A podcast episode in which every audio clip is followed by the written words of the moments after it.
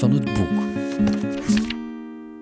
Hallo en welkom bij een nieuwe aflevering van de Bende van het Boek. En je hoort het misschien, ik klink misschien anders of mega enthousiast of zo, of nog enthousiaster dan anders, want Trace... Ik, ik, ik ben een beetje nerveus. hè. Ja? Misschien gaan mensen... Allee, misschien moet ik eerst zeggen wat er gebeurd Ja, is. ja, ja, ja. Ehm, we hebben een nieuwe micro. Uh-huh. Die ziet er mega professional uit. Ik heb het gevoel dat we nu van die Amerikaanse podcasters zijn. Ja, ja, ja. Eh, en niet gewoon van die meisjes uit West-Vlaanderen.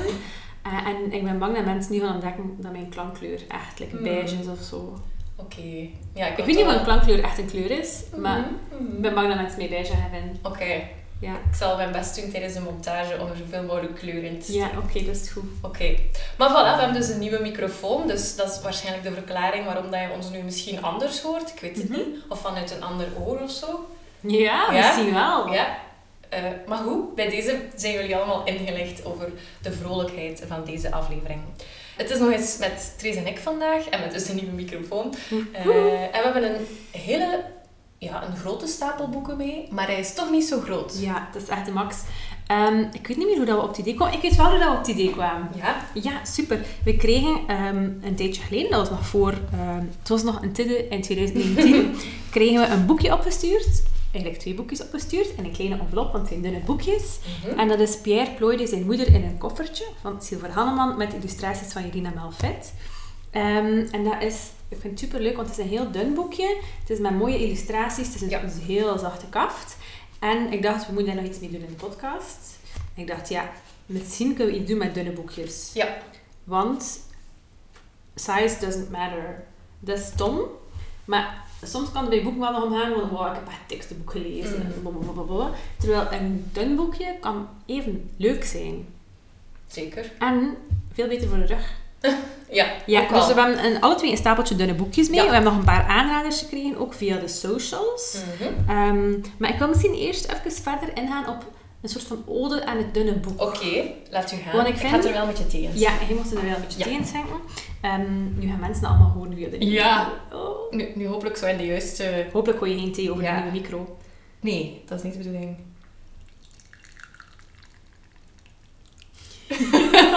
ja, sorry, sorry. ik was echt wel anticipatie naar de thee aan het kijken. Nee, uiteindelijk, ehm, je kunt, als je in 900 pagina's een personage kunt neerzetten, vrij goed gedaan, echt tof. Maar als je in, weet je wel, pakweg 30 pagina's, 40 pagina's, een even memorabel personage kunt neerzetten, denk ik wel dat je er nog Ja, iets meer craftsmanship voor Mhm. nodig hebt. Ehm, dat is dan het voordeel van een auteur. Ik vind zelf als lezer, ik ben iemand die altijd een boek mee heeft. Maar dat is onhandig als je dan bijvoorbeeld naar een trouwfeest gaat of ergens met een kleine handtas of zo. Mhm. Dat is wel onhandig. En dan vind ik dat superleuk om een dun boek mee te nemen. Ja, dat is ik heb echt zo een, eh, zo een mini handtasje voor op trouwfeesten. Mhm. En het kan daar niet veel in. Weet je, het kan daar mijn paspoort in, mijn rijbewijs, misschien er nog 20 euro cash voor het zekerste. Wat, wat, wat plakkers, kerk. toegehaald, wat plakkers voor op mijn hielen als mijn schoen begint te irriteren en een klein boek. Vind dat de max. Ben daar heel uit van. Ja. Want gevraagd op, ehm, op onze Insta-stories wat er nog een paar goede redenen waren om voor het dunne boek te kiezen. Eh, iemand zei om zo snel mogelijk mijn Goodreads Challenge te halen. Mhm. I sympathize. Dus dat was een goeie. En dan eh Frederik liet weten dat dat een goede manier is om zijn leerlingen op school aan het lezen te krijgen. Ja. En ik dacht toen, dat is waar. Dat is echt ideaal. Je kunt je leerling vragen om een dik boek te lezen dat dan van middelmatige kwaliteit gaat zijn of zo, waar ze niet, niet veel aan gaan hebben. Of dat ze vooral zien als een grote opdracht. Als een ik. grote Ja. opdracht. Maar even hoe laat je ze gewoon iets korts lezen, iets krachtigs. En er zijn mega veel mooie novelles of korte verhalen en al. Dus dat vond ik ook een heel goed, Ja. heel goede reden. Maar de beste reden vind ik nog altijd dat in mijn kleine handtas kan om mee te gaan naar een trouwfeest. Ik ga jou laten beginnen met jouw stapeltje, maar ik ga eerst nog vertellen wat ik terwijl zal eten. ik ben al bezig met eten, sorry. Ehm, we drinken vanillethee en dat past perfect bij onze chocoladecake. Het is een vegan cake. Mm. Eh, het is uit een kookboek dat ik heb meegebracht uit Wenen. En ik vind persoonlijk dat je niet smaakt, Nee, allee, dat je, dat je totaal niet smaakt dat er geen eitje in zit. Ik zal het zo zeggen. Dus ik ben er eigenlijk wel content mee. Mhm. Misschien moet ik dat boek ook ooit bespreken. Om er meteen de een literaire referentie van te maken. Heeft mij net een chocoladetaart in Matilda. Ja, zo die jongen die dan op het podium zo die heel Ja. chocoladetaart Bram. Bokkenpoot. Bram Bokkenpoot. En iedereen moedigt hem dan aan. Ja. En dat is echt zo'n krachtig moment. ja, maar je hebt er ook een kookboek van, hè? Met alle recepten van Roald Dahl. Cool. Ja. Roald. Mhm. Maar goed, ehm, ja, wat heb je allemaal mee? Ik Ja. herken er een paar. Ja, ik zal misschien... ehm, ik ben aan het denken of ik daarmee ga beginnen. Ik zal misschien beginnen met hetgeen dat van boven ligt. Mhm. Ik had het net over eh, het nieuwe boek van Silver Hanneman, Het Kleintje. Eh, maar ze heeft eh, vorig jaar of twee jaar geleden ook al iets gelijkaardigs uitgebracht. Echt een dun boekje. En dat was De Dode Vogel en het Meisje. Ehm, en dat is ehm, een heel Was dat mooi... ook met tekening van... Ja, dat is ook mijn tekening van Jelena. Eh, allemaal in een heel mooi blauw. Ehm, ja, ik zal een fotootje posten. Trace de... stond het heel mooi aan Trace mij. toont het echt. Kijk, nieuwe micro. Dit is het blauw waarover ik het heb. En dat is eigenlijk echt een heel mooi verhaal. Omdat het is een ehm, verhaal over een, een meisje en een dode vogel. Dat zo wat waart door het dorp. En ons hoofdpersonage ziet dat meisje heel de tijd. En iedereen babbelt erover, maar niemand krijgt echt vat op wie is dat meisje. Wat is met een dode vogel? Waar gaat ze naartoe? En het is ook niet dat je echt de grond ervan ontdekt van wat er eigenlijk gebeurt. Mhm. Maar in echt niet veel pagina's. Hoeveel pagina's zijn er? Ga ik zo keer kijken. Ja, het is nog 47. dunner Dan naar andere boeken. Ja, 47 pagina's. En ook redelijk wat witruimte. Mhm. Wordt er wel zo'n hele wereld in een sfeer gezet van dat dorp en hoe dat is om daar te wonen. Ja. En dat meisje dat daar dan passeert. En het is wel heel fantasierijk, maar daarom niet zacht of zo. Want er is, er is wel een harde kant aan het verhaal. Ehm, maar echt, misschien moet ik je de, de achterkant voorlezen. Dit is een klein verhaal. Over het verlangen naar nieuwe dingen en het koesteren van vroeger. Een klein verhaal over afstand nemen, misschien van jezelf. Dit is een klein verhaal over de dode vogel en het meisje. Eh, dus heel kort, je leest dat echt ja, in een uurtje of zo uit, of een Mhm. uurtje na, misschien een keer een lange treinrit. Maar het is heel mooi gemaakt. Ehm, de taal is mooi, de tekeningen passen er mooi bij. De witruimte geeft ook echt zo wat ruimte aan het verhaal. Ja, Ehm, dus een kleintje, maar een- echt een aanrader. oké.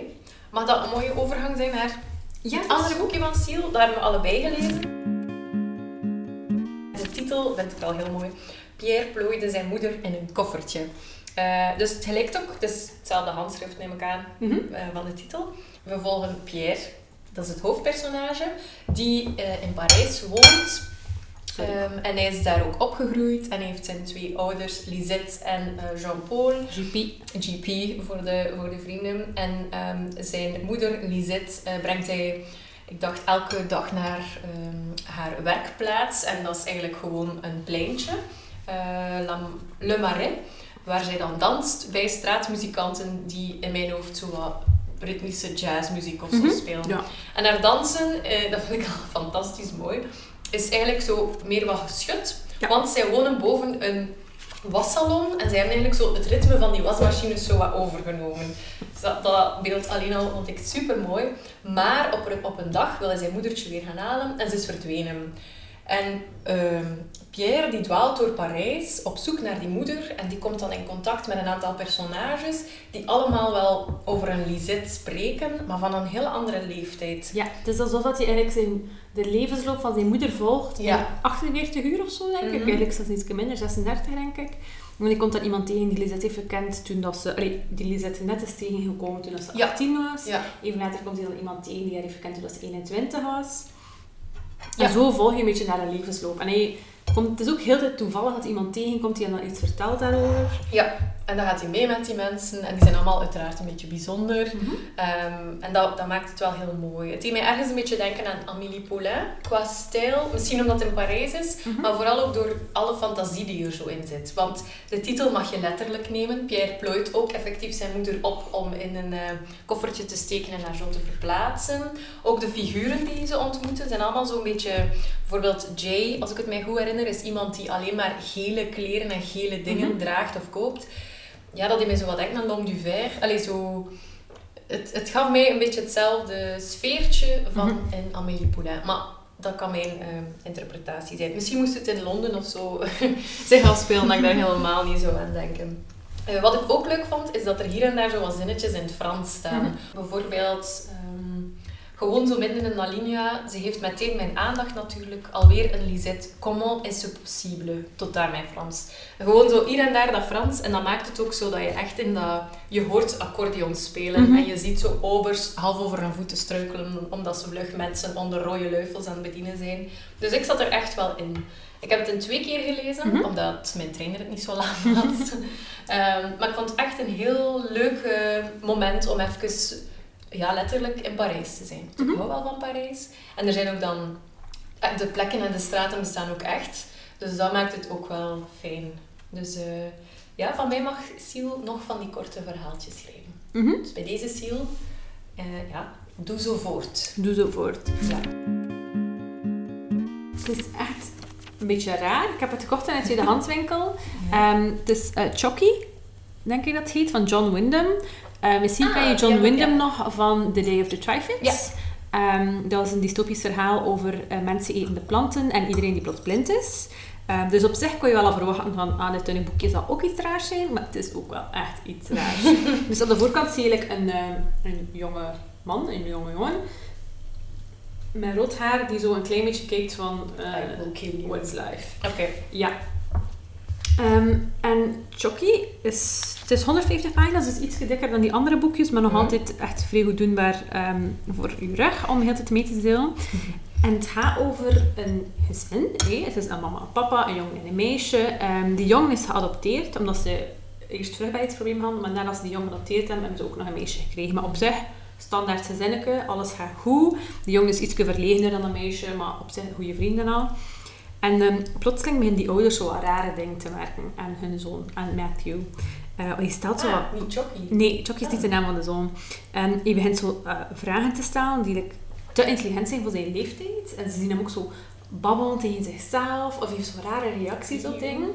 En ehm, ze, ja, ze, ze vragen hem daar dan wel naar. En dan blijkt dat hij een soort van... eh je zou denken een, imaginaire vriend heeft. Mhm. Maar dat is zo raar dat dat like, een imaginair kan zijn. Like, de vragen die hij stelt zijn echt te intelligent. Hij begint ook zo mega ehm, originele tekeningen te maken. Oké. Ja, en hij zegt van ja, er is een soort van ja, iemand bij mij gekomen en ze heet Chucky of hij heet Chucky. Want die kan ook bijvoorbeeld niet zeggen welke geslacht dat is, want in, van waar dat hij een alien komt, zijn er geen geslachten. Dus die stelt heel tijd vragen, maar hij vindt het heel moeilijk om dat in woorden om te zetten, want zij spreekt niet via woorden tot hem. Dus dan moet hij concepten die bij haar niet, niet bestaan vertalen en omgekeerd. Oké. Het is echt heel raar. En dus het is de vader die vertelt. Dus dan gaat, ze zo naar psychiaters en al, Ja. de oplossing. Dan gebeurt er ook van alles, waardoor die jong dan in de krant komt. Dus hij redt dan bijvoorbeeld zijn zusje als ze ehm, van een boot valt in de zee. Maar normaal kan hij totaal niet zwemmen. Maar die Chucky kan het dan bijvoorbeeld wel en neemt dan zijn lichaam zo wat over. En het is echt vrij raar, maar het is ook echt goed. Want het is ook, die alien heeft geen slechte bedoelingen of zo. Hè. Die is gewoon nieuwsgierig, die vraagt van alles. Ehm, echt hilarisch eigenlijk. Omdat je denkt zo van, oh nee, die jongen is like bezeten of zo, of, of gewoon gek. Maar ik, like de psychiater was naartoe gaan en zei ook van, ja, allee, ik, ik wil nu niet aan mijn tand doen, maar ik denk echt, het is echt alsof er zo een soort van andere intelligentie inderdaad met hem communiceert. Dat dat niet gewoon is dat hij zich iets inbeeldt of een imaginaire vriendje heeft of zo. Ehm, ja, vrij raar. Ik heb het nog niet helemaal uit. Ehm, maar je denkt dan van, dit is hier het zotste, maar dan wordt, is er plots ook nog een kleine kidnapping en al. Oké. Eh, dus het is, ehm, als je niet fan bent van het genre, er gebeuren rare dingen in dit boek, niet aan beginnen. Oké. Ik zal misschien nog een keer lezen wat er op de achterkant staat, Ja. zo een klein zinnetje. Kan, ja, de inhoud heb ik wel wat verteld. A story of innocence and alien contact. Chucky is a sinister tale of manipulation and experimentation, experimentation from afar. Oké. En- Dus ik moest er nog 20 pagina's lezen of zo, dus ik hoop dat ik nog ga ontdekken wat er eigenlijk gebeurd is. Maar nu, ik vind het eigenlijk al gewoon vrede moeite, omdat het zo hilarisch raar is. Oké. En is, is het vooral hilarisch of is het zo'n beetje griezelig? Want het klinkt Het is een niet- beetje ik vind het niet griezelig. Ah ja, oké. Maar wat dat ook wel leuk is, is bijvoorbeeld aan de vragen dat Chucky dan stelt over, over ons, over de wereld, kun je dan ook wel weer gaan nadenken. Ah ja, oké. Ja, ze stelt heel filosofische vragen. En het is ook raar dat je die dan zo ziet komen uit de mond van een elfjarige. Ja. Die ouders hebben dan wel iets van, what the fuck. Ehm alhoewel, dus ze zijn niet alle twee hetzelfde er tegenover. Die vader heeft zoiets van, "Goh, op zich heeft hij daar niet zoveel last van, van die Chucky in zijn hoofd. Ehm, ik vind dat wel oké. op zich leest hij er wel veel van bij. Maar die moeder is echt een beetje bang. Kind gaat gepest worden. Mm. Dat haar kind zo wat bezeten is door like, een evil spirit of zo. ehm, en dat hij gek gaat worden. Ja, ik versta dat. Ja. het is ook niet supergoed voor de rust in het gezin. Dan bijvoorbeeld ehm, Polly, denk ik, heet, het, eh, heet de dochter. Meestal waren die goede vriendjes, maar dan voor Polly haar een beetje verwaarloosd door, het, ehm, door de Mm. alienvriend van eh, Matthew.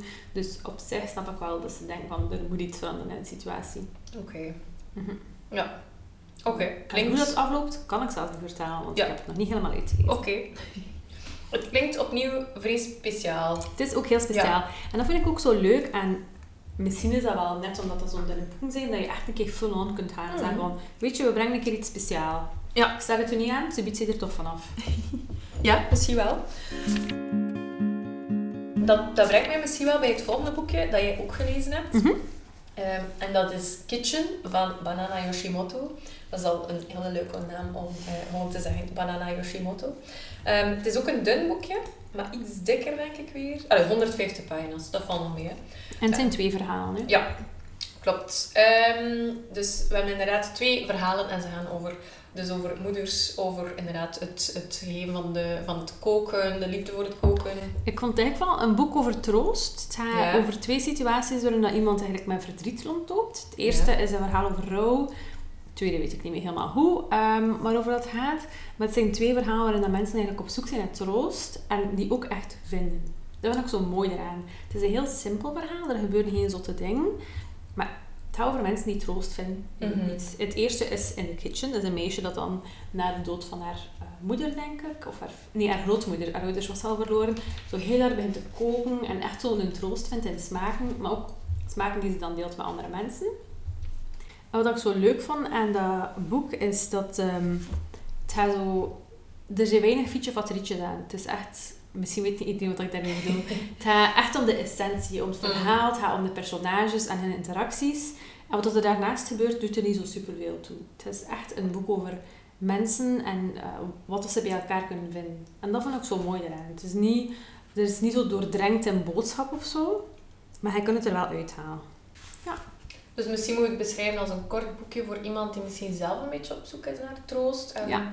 en daarom zo met niet te complexe verhalen of zo Mhm. wel bezig zijn. Ja, inderdaad. Zoiets. Als het leven al zwaar genoeg is, pakt u dan een licht boek. Amai, Trace, we moeten daar stickers van maken. We hebben al stickers. Eh, ik heb eigenlijk nog één boek. Ah ja. En dan heb ik nog twee, eh, drie dunne boekjes bij dat ik zelf nog niet gelezen heb. Maar dat ik wel nog even wil zeggen van, kijk, dat zijn goede reeksen voor Ja. dunne boekjes. Ehm, mijn ehm, laatste boek dat ik effectief gelezen heb, is een poëziebundel. Het is een, ehm ja, poëziebundels zijn meestal dun. Er zijn weinig dikke poëziebundels, behalve verzamelde werken ja, van oude mensen. Eh, en bloemlezing. Eh, maar dit is een bundel, het is Houdingen van Sylvie Marie. Het is haar vierde eh poëziebundel dat ze uitgebracht heeft. Ehm, moet ik iets vertellen over Sylvie Marie? Ik weet het niet, misschien ken je haar. Ik denk, het is een Gentse eh, dichteres Ja. die oorspronkelijk wel eh, West-Vlaams is. Ehm, zo hebben we ze graag. En er staat op de achterkant van Houdingen. In haar vierde bundel dicht Sylvie Marie over verlies en een nieuw begin en over alle houdingen ertussen. Oh, dat is dat wel mooi. mooi. En Ja. het is... ehm, het is zo van die poëzie zonder zware woorden, maar van die zo wel dat je denkt van, oh ja, daar zeg je nu wel Mm. iets. Is- Wil je iets voorlezen? ja, ik heb wel...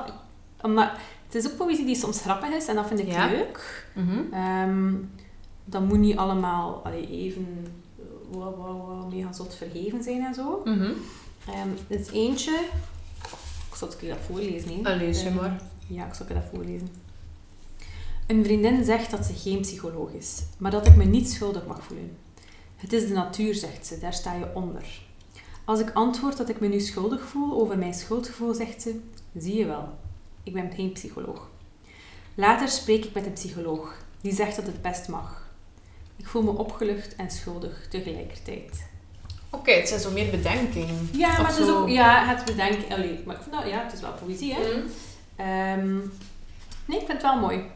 Het wel de En zijn, eerste- zijn, of zie ik het verkeerd, maar het zijn precies zo nooit echt lange gedichten, hè? Nee, geen super Ja. lang. Nee. heb Wel dat wel een paar alinea's, ja. ik ook. Ja. Ik denk dat de langste zijn zo 20, 20 regels Oké, ja. Dat is lang genoeg, hè? ja. En lees jij veel po- poëzie? Want je hebt bij Niet zo nog nooit superveel. een poëziebundel meegebracht. Nee. Dat is Ja. zoiets dat ik zo af en toe een keer oppik. Hm. En dan weer weg. Oké, maar dat is misschien wel een mooie ehm, brug naar eh, mijn laatste boekje. En dat is de dichtbundel Ambrosijn van Rea Cecile. Mhm. Ook een Gentse, of ze woont ook in Gent. Ehm, en het is een dichtbundel die we van haar gekregen hebben. Mhm. En ik vind het vooral in de eerste plaats heel mooi vormgegeven. Eh, het is een gouden kaft, waar ik al fan van ben. Mhm. Ik ben wel aan goud. Ehm, en dan binnenin ehm, wordt er ook heel veel gespeeld met kleur en met vormen. Ehm, dus het- Typografie. met typografie, dat is het. Maar ook met letterlijk figuurtjes en zo. Mhm. Dus dat, dat had ik niet verwacht. Want ik vind dat het er redelijk klassiek uitziet als je het gewoon krijgt. Maar de insteek van Ambrosijn, dat is de titel van de dichtbundel, is eigenlijk dat het een soort verhaal wil zijn over een leven. En dan daarbinnen een soort van vier getijden. Leven, liefde, lust, leegte. Of leven, lust, liefde, leegte. Ik weet niet wat dat de volgorde is. Ehm, en dan zo begin, einde. Dus allee, ik vind het wel een, leuke, een leuk idee.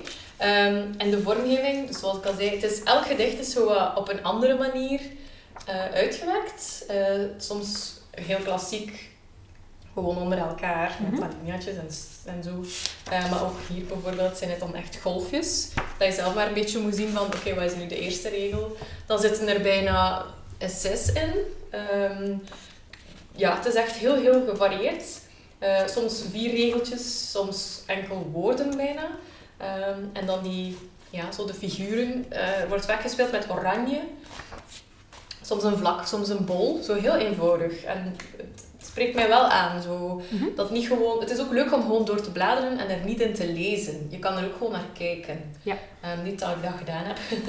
Eh, maar allee, daarom vind ik het ook wel. Het is, als een boek mooi vormgegeven is, dan vind je dat ook altijd wel. Dat is wel eh, altijd aangenaam. iets aangenamer. Ehm, en eh, ik heb een aantal post-its ingekleefd. Dus er waren wel een aantal gedichtjes die ik heel mooi vond.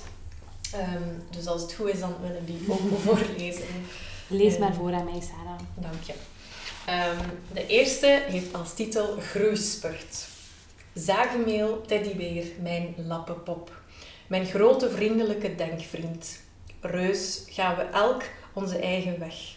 Nu ik borsten krijg, blijken de dingen toch enigszins anders.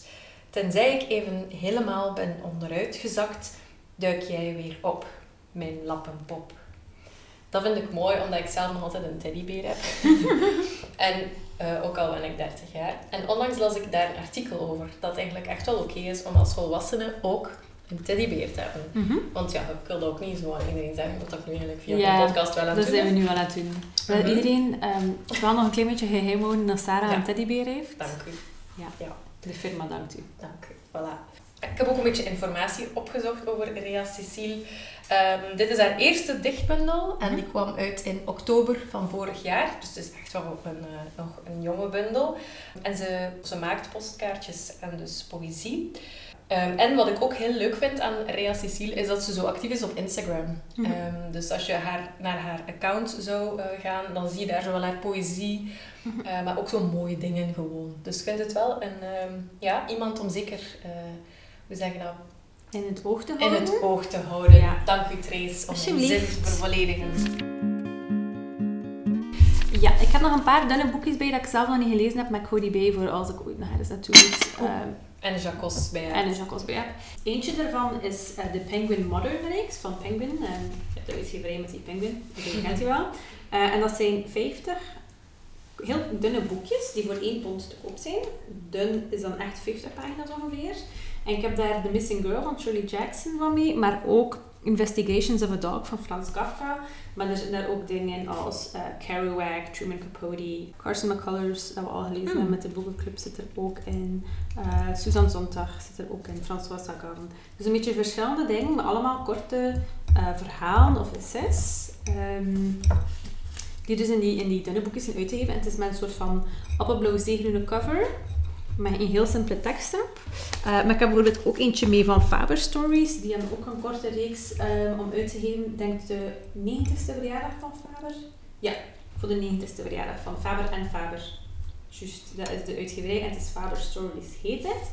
En het boek dat ik mee heb is eh, Come Rain or Come Shine van Kazuo Ishiguro. Maar ik kan je zeggen, er zijn ook opnieuw... eh, Samuel Beckett zit er weer bij, eh, Juno Barnes, iets minder bekende auteurs. Erna O'Brien, Sylvia Plath zit er ook bij, Sally Rooney. Ehm, maar dus opnieuw zo een collectie van heel verschillende Ja. auteurs. Dunne boekjes, het is hetzelfde formaat, maar het is wel 3,50 pond.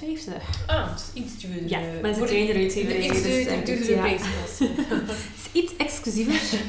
Eh, maar het is een beetje allemaal hetzelfde formaat. Je gaat die vaak wel zien als je in een boekenwinkel gaat. Bij de Engelse boeken is dat zo echt een apart stukje. Ja. De dunne Engelse boeken. Ja. Dat is echt de max om, eh, om mee te nemen. Ja, want ik heb zelf ook eentje van Penguin ook, maar het zijn Mhm. zo meer de classics. Zijn die zwarte? Ja, het zijn Ja, ik heb er ook zwartjes. een paar van. Ja, want daarvan heb ik eentje van Edgar Allan Poe. En door dat boekje heb ik mijn kat Edgar genoemd. ja, Ja, en ik denk dat, zij daar, eigenlijk dat die zwarte reeks een van de eerste was. Ehm, ja van die dunne... Ja, ja, Nee, dunne inderdaad een paar jaar oud. Ik heb er daar ook een paar van. Eentje van Chekhov, denk ik. En iets Japans. ehm, ook, ook iets moois, ehm, maar niet zo bekend. En ik denk dat zij daarmee Penguin echt begonnen zijn met van die hele Ah. de kleine dingetjes. Omdat dat zijn van die kassakoopjes eigenlijk. Je Ja. en denkt van, ah ja, je kunt dat niet voor sukkelen en dat is handig. Je kunt het overal meenemen. Het is ook waar. Het is echt een nieuwe business. Binnen 20 jaar lezen we allemaal alleen nog maar kleine boeken. Dat weet ik niet, maar voor het geval dat het zo zou zijn, vind ik wel dat dit misschien het goede moment is om ook de tips van onze volgertjes Oh te ja, delen. maar ik was die al bijna vergeten. Ik niet weg. Gelukkig is Sarah er. Yes. Ehm, en we kregen een aantal tips via Instagram, waar we Mhm. een oproepje hadden gedaan. Eh, en daar kwam onder andere de tip, eh, dit is water, van David Foster Wallace. Mhm. Ehm, die ken ik niet. Ik weet niet wat jij die kent. Jawel, David Foster Wallace is die van Infinite Jest. En ik denk dat dat wel echt meer een, echt een kloef van een boek is, als ik dat goed heb. Als is iets ingewikkelds. Ehm, dus dan is dat wel aangenaam als hij ook een dun boek heeft. dat je hem toch kan leren ja, kennen. het is dat. Ehm, dan ook de titel eh, Fox 8. Ja, dat heb ik opgezocht. Dat is een boek van George Saunders, Ja. die ook ehm, Lincoln, in the, Lincoln in the Bardo heeft geschreven. En ik heb dat verhaal een klein beetje gelezen eh, in de rapte. Het gaat over een vos. Vos nummer 8 is de vos in de troep die zo wat contact zoekt met de mensen.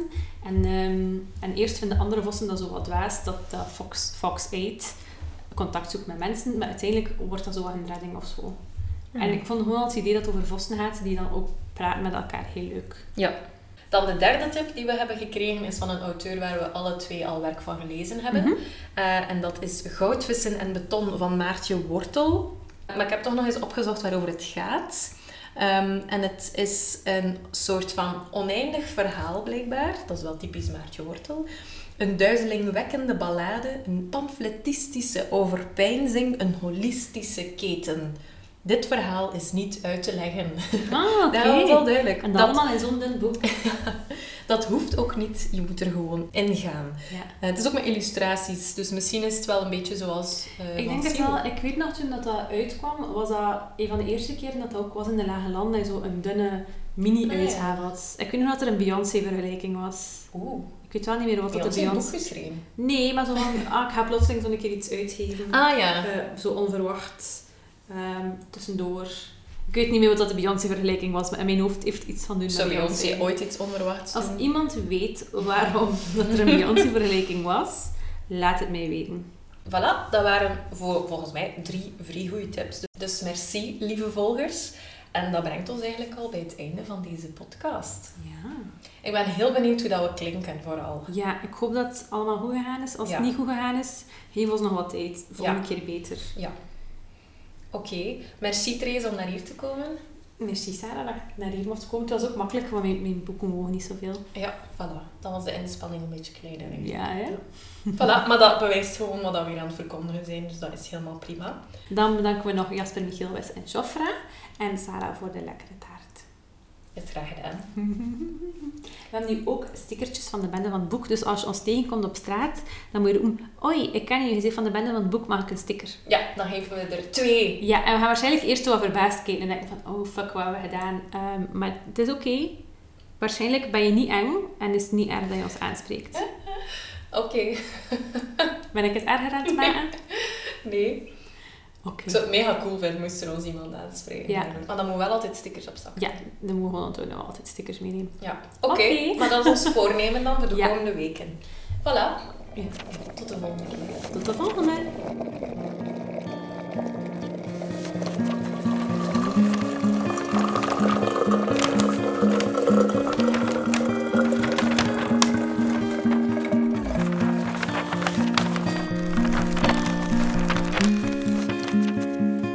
van het boek.